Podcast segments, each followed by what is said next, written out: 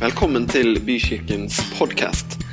For mer informasjon om oss cvvvbykirken.no.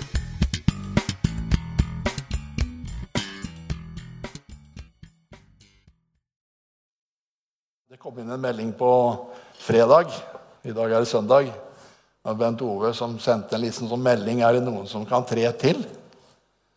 Ja, da satt jeg vel i bilen, tenker jeg. Og så tenkte jeg at eh, nei, skal jeg tilby min tjeneste i dag, da? Det er sikkert andre som gjør det. Men idet jeg tenkte det, da, så slo det inn noe som min eldste sønn sa en gang. For det var en gang at jeg sa nei. Og så tok han meg lekse. Han er litt sånn, han tar meg litt i lære av og til, han eldste sønnen. Så sa han, 'Pappa, vet du ved at du sier nei når du ikke har noen unnskyldning?' Det er å stjele fra Guds forsamling. Den kan dere tygge på enhver. For den er så kraftfull for alle som sitter her. Nå kommer jeg med en liten sånn hentydning. Alle som sitter her, har noe i seg. Og hvis du holder den tilbake, så er det som sønnen min sa du stjeler fra Guds forsamling.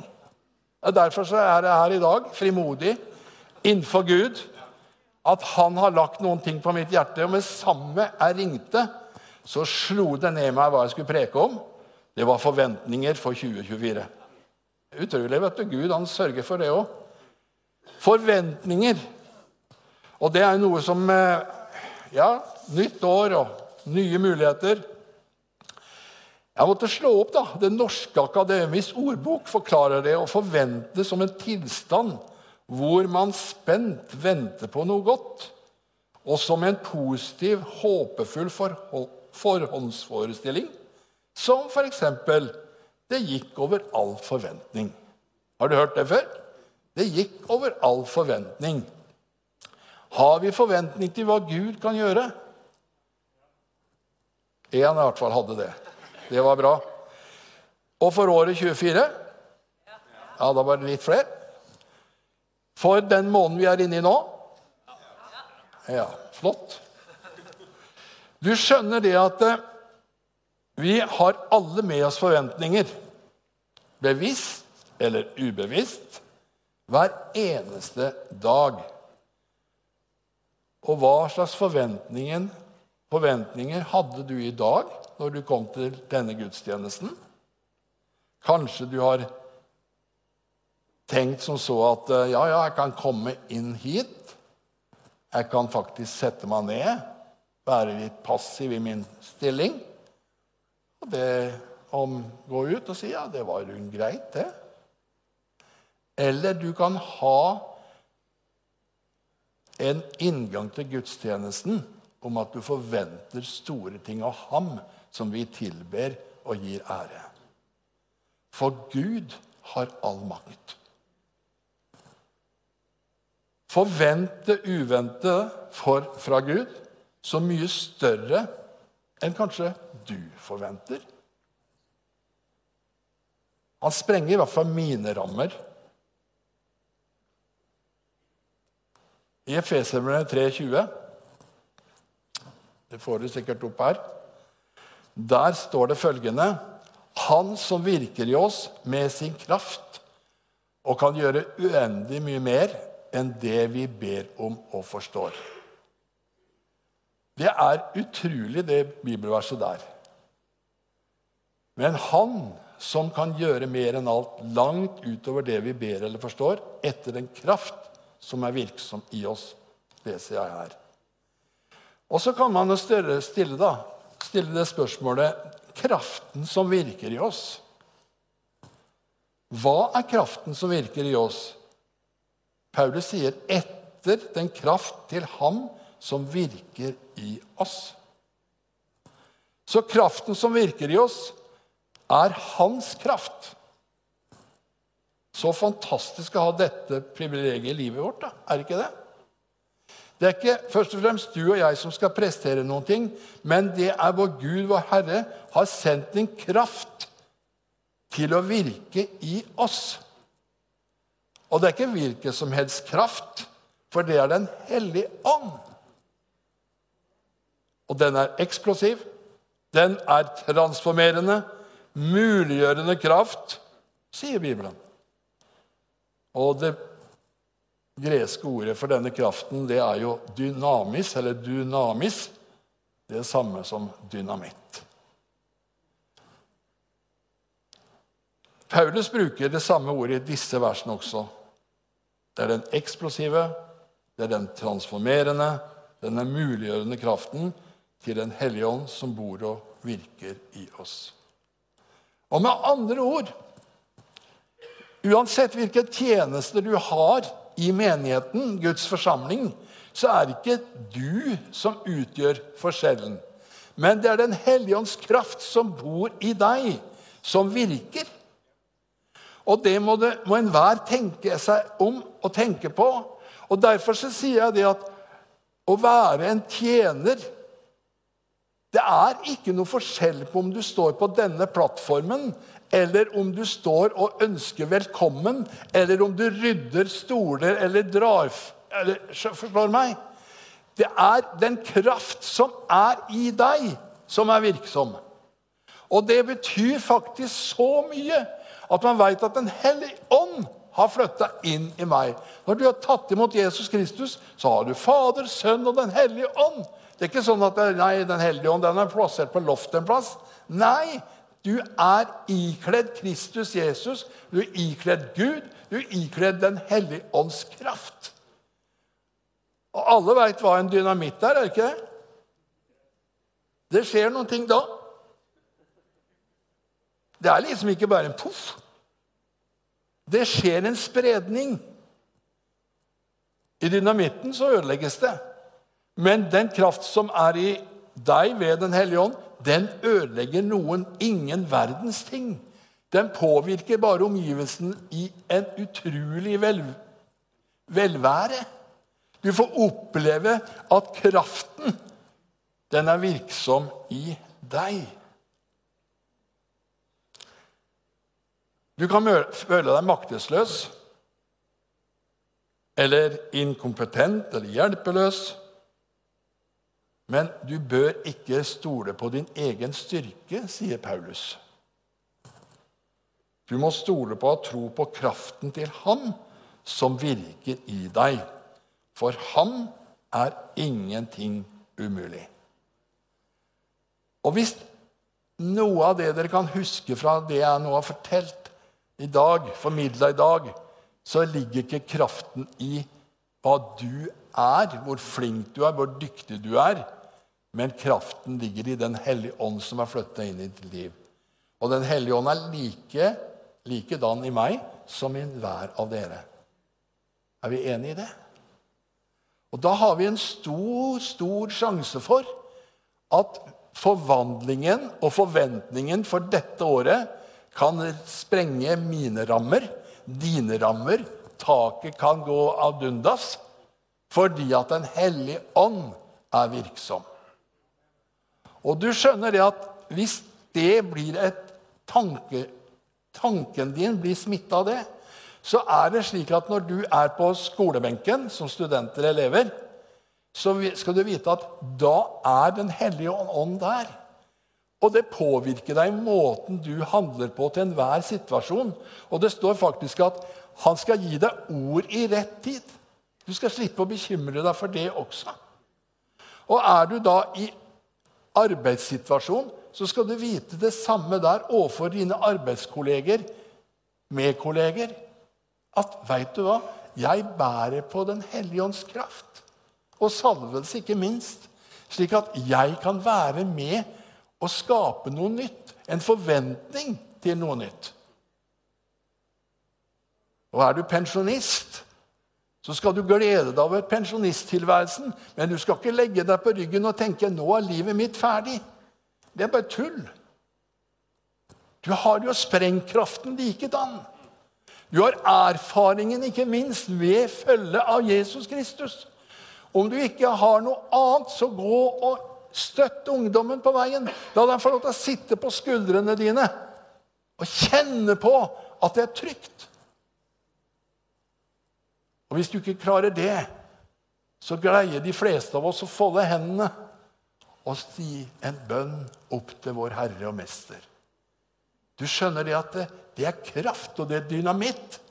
Og som fellesskap og som menighet så er det utrolig hva vi kan lykkes med i så måte. Bibelen definerer også tro på en spesiell måte. I Hebrevbrevet 11,1 så står det troen er en pant på det vi håper. Et bevis på det vi ikke ser. Eller som det står også en annen plass, tro er full visshet om det man håper på. Overbevisning om det den ikke ser. Med andre ord å tro er å forvente. Å tro at Gud er den han sier at han er, og forvente at hans løfter er til å stole på. Jeg må si det for min egen del. Jeg tror Gud har gitt meg en gave til å be for mennesker, be for folk som er syke. Og jeg gir alltid Gud æren for det. Men når jeg legger hånda på et menneske og ber for et menneske, så har ikke jeg tro på at denne handa kan helbrede, men jeg tror på at den kraften som bor i meg, kan virke slik at mennesker kan bli helbreda. Og veit du hva? Jeg har så barnslig tillit til Herren at det funker for meg. Og veit du hva? Det funker for deg også. Du kan prøve. Ikke strekk handa tilbake og tenk sånn Nei, jeg kan ikke. Jo, prøv. Det funker. Ja, men det har aldri skjedd noen ting. Aldri opplevd helbredelse når jeg vet for noen. Hva veit vi hvordan den bønnen virker på sikt? Du skjønner, det å be og tro og vite at det du allerede har bedt om, det får du. Det er jo en fantastisk opplevelse, det. Og det, er, det som er utrolig, det er jo på en måte at når du står der overfor et helt håpløst i menneskelig tankegang, da, umulig situasjon Jeg har kanskje fortalt det før, men altså når jeg, hadde, når jeg var 21-22 år gammel så hadde jeg en kompis på samme alder. og Han hadde vært nettopp inne og fått diagnosert kreft i ryggen. 21 år. Han var ikke kristen på det tidspunktet. Så stilte jeg og to andre seg så sa vi, kan vi be for deg. Og vet du, Jeg hadde så tro på at Gud helbreda den gutten at jeg sa Jesus, dette er din greie. Det er ikke min greie, men det er din greie. I Jesu navn, helbred ham. Med åpne øyne, så ikke vedkommende skulle bli vettskremt. Trodde kanskje at det var noe helt greier. Gikk til legen to dager etterpå, tok røntgen. Så kommer avdelingsoverlegen ut og så sier han at vi må visst ta et nytt bilde, for vi ser ingenting. Så kommer overlegen ut. Han var sikkert en troende, for han sa til den kameraten det trenger du ikke å gjøre, for jeg har sett slike under før. Du skjønner det at det, det nytter. Det er tro og forventning til at Gud kan gjøre noe stort. Det må vi aldri tvile på. Og veksten, dere, den er fra Gud.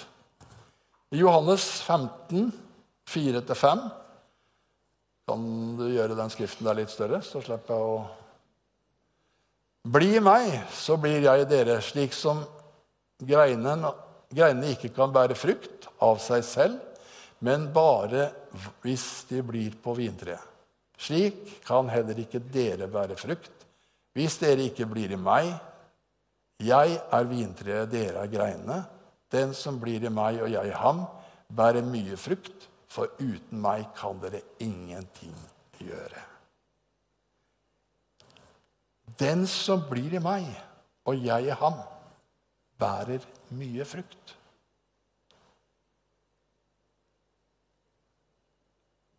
Er det noen som har epletrær eller plommetrær eller sånne ting i hagen? Er det noen som opplevde å ikke ha frukt på det? Jeg var så skuffa en gang i Molde. Jeg hadde planta trær, og det skulle bli, blom, det skulle bli frukt. Det var ikke ei eneste frukt. Det var bare grønt. Prydbusk ute i hagen. Det var epletrær, men det var ikke eple. Samme skjedde faktisk nå. Jeg gjorde det samme eksperimentet ute der vi bor nå. Ingenting. Helt til det var en gartner som sa til ja, men du må plante et tre til, for jeg er jo avhengig av å bli poda. Eller pollen bør bli befrukta. Og så tenkte jeg, Da jeg fikk det, så fikk jeg dette bildet 'bli i meg'. Altså, De blir poda inn på Kristus. Det blir jo ikke noe frukt i ditt liv og mitt liv hvis ikke vi er poda inn på Han som virkelig er livet. Og det er jo Han, Kristus Jesus, som skal gi liv. Uten at vi er podet inn på Kristus, så er vi ikke i stand til å bli til en velsignelse for andre. For Kristus er den iboende kraften som jeg nettopp har formidlet om. Hadde en artig opplevelse her eh, under fresinga. Da. Det er jo mye, mye, rart man får. Men da var den, Vi sto jo der alle sammen rundt oss, og liksom, så var det en han hadde ikke fres. Da fikk jeg bare innskytelsen det at ok, da, jeg har jo fresen. Det er jo bare tullskap å sette fra seg fresen når jeg er fresa opp og han står der og måker. Så jeg bare kjørte rett gjennom skavlen på 1,5 meter, og så begynte å dure og bråke. Og vedkommende ble jo litt forskrekka. Ja, men uh, har du tida til dette, da? Ja, hva, hva annet skal jeg gjøre, da? sa jeg. jo Nei, så sa jeg, det gjør meg ingenting.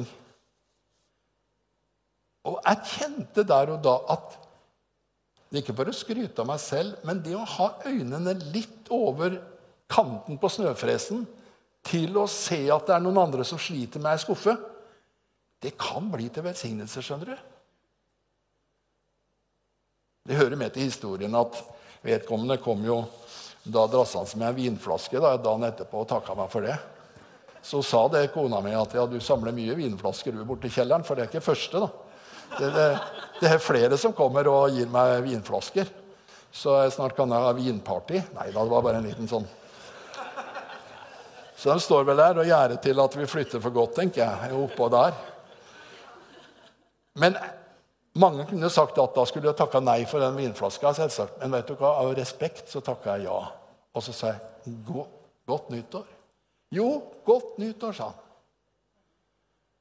Det er noe med dette her at hvis Gud skal få lov til å virke og skal gi vekst, så må vi være knytta til Han.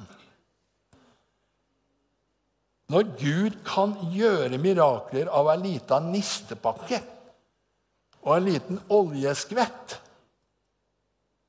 hva tror du Gud kan gjøre her i dag, da?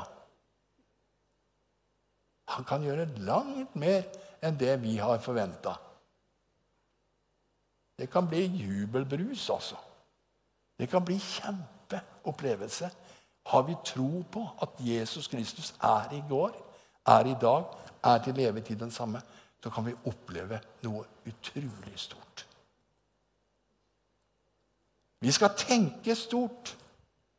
Ja, men jeg kan jo ingenting. Altså, Den der leksa der Jeg lurer på hvordan janteloven har både sneket seg inn i oss som troende. Kan ingenting. Vi har ingenting. Vi er jo bare noen få, få stykker. Småfellesskapsgruppene, hvis ikke dere er i det, da må dere jammen til så knyte skolissene og så ta på dere sko, og så må dere melde dere inn der. Vet du hva? Det er noe av det mest fantastiske dere har. Det er en lita gruppe, alt avhengig av hvor stor den er, fra fem til ni. Og der kan dere faktisk få oppleve det som er så stort. Hvis dere er redde for store forsamlinger, så går det an å begynne i det små. Og der kan dere utvikle dere og utøve det som er i dere. Dele med hverandre. Og så kan dere oppleve at 'Oi, jeg har noe å bringe, jeg også'. Ja visst. Småfellesskap som er i denne kirka, er noe av det mest fantastiske foruten dette fellesskapet vi er i nå. Ingen sa halleluja til det, da. Men dere må si halleluja til det. Dere må faktisk prioritere det. For det er en gave fra Gud. Og jeg har sagt det så mange ganger at er det da noe som oppstår i den lille gruppa, enten du er sjuk i dag, har en influensa, ligger magesjau eller hva det måtte være. Du kan tekste en SMS. 'I dag er jeg sjuk. Kan du løfte det innenfor Herren?' Så løfter man, altså Da løfter fire, fem, sju mennesker deg framfor Gud. Du får jo drahjelp, jo. Halleluja. Drahjelp i at du er omgangssjuk. Tenk på det. Det er fantastisk. Og så kan du sende tilbake en melding. 'Vet du hva? Det har jo gått så bra.' Og så kan du melde inn 'Vet du hva? I dag har jeg en fantastisk fin dag. Kan du tenke deg å gå en tur sammen med meg?' Og har du bikkje, så er det jo veldig fint. Da har du ingen unnskyldning engang. Da er det bare å ha på deg lenka på bikkja og så gå. Du skjønner, Fellesskapet i småfellesskapsgruppe, det er fantastisk. Og så kommer du sammen her, så kjenner du plutselig fem, sju, åtte nye mennesker. Da blir det ikke så tungt å komme inn i dette fellesskapet.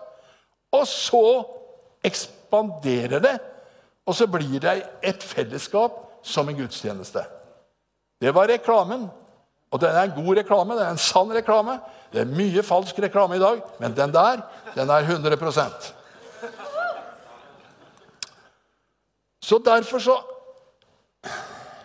Jeg hører av og til, og det, det slår meg litt vondt i hjertet, mangelen på forventning hos oss kristne til hva Gud kan gjøre nettopp i deg, i din kirke, i din bygd, på jobben din, på skolen din og i nabolaget ditt.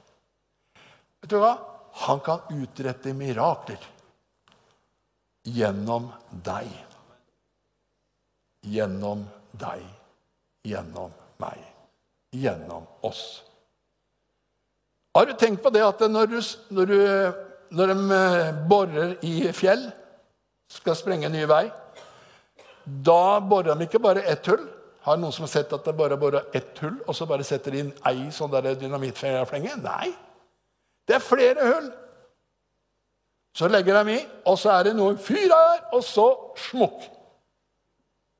Sånn er det med fellesskapet i menighet. Hver og en av oss er dynamitter der vi har Den hellige ånd i oss. Og når vi putter flere sånne kraftsalver inn, så blir det en svær, svær reaksjon. Da vil Tønsberg by reagere på at bykirka, der skjer det noe ting. Der er det noe som ikke vi har hørt om før. Hva er det? Og så Hvis du er glad i kjerka di, da, så kan du kanskje be med deg noen du er trygge på å be med deg også. Det går an, det, vet du. Og husk på da å sitte sammen med vedkommende, så ikke vedkommende føler seg til oversett. For det er litt viktig. Så hvilke forventninger har vi for året 2024? Jeg tror vi må tenke større. Det er ikke mengden eller hva du gir, det kommer an på. Det er jo faktisk hvem du gir det til, som er avgjørende. Har vi forventning til at Gud kan gi vekst? Jeg har tro på det. Jeg har sett en radikal altså Jeg har vært med i mye kristent arbeid gjennom alle de år. Jeg vet ikke hvor mange år snart det er. Men jeg ser i denne menigheten noe potensial, og jeg ser, som Mathilde sier, det med barn, det med ungdom Det er noe som skjer. Og Det er bare Gud som skal ære prisen for det. Men vi trenger medarbeidere. Vi trenger at det er noen med forventninger som griper anledningen og stepper opp fra sin stol og faktisk bidrar. Du er den som Herren venter på skal steppe opp. Du skal ikke forvente at Bent Ove og lederteamet og alle de som allerede er engasjert, skal gjøre enda, enda, enda mer. Nei, nå er det tiden for alle å steppe opp. Og så skal vi se mirakler rett foran våre øyne. Og så spres det som ild i tørt gress, og så opplever vi at vekkelsen er i gang. For vekkelse dere, det er at én én blir satt fri fra lenker og bånd. Takk, Herre Jesus. Du er en fantastisk mester og herre. Du er den som løser og setter fanger i frihet. Og Herre, vi kan ha tro til mye større ting fra deg, for du er den som gir langt mer enn det vi makter og ber om og tror og tenker. Men du gir faktisk det du nevner i ditt ord. Du gir vekst. Vi får lov til å være med og plante og vanne. Men det er du, Herre, som sørger for veksten. Så ber jeg spesielt for eh, dem som er til stede her i dag. Må du, Herre, sette hjertene i brann til den enkelte. La dem oppleve det at i seg selv er dem ingenting, men den kraften som du har plantet inn i deres liv, den er mektig kraftfull til å nå nye mennesker. Herre, vi ber om det. Vi ber, Herre Jesus, om at du skal komme dem i møte. Amen.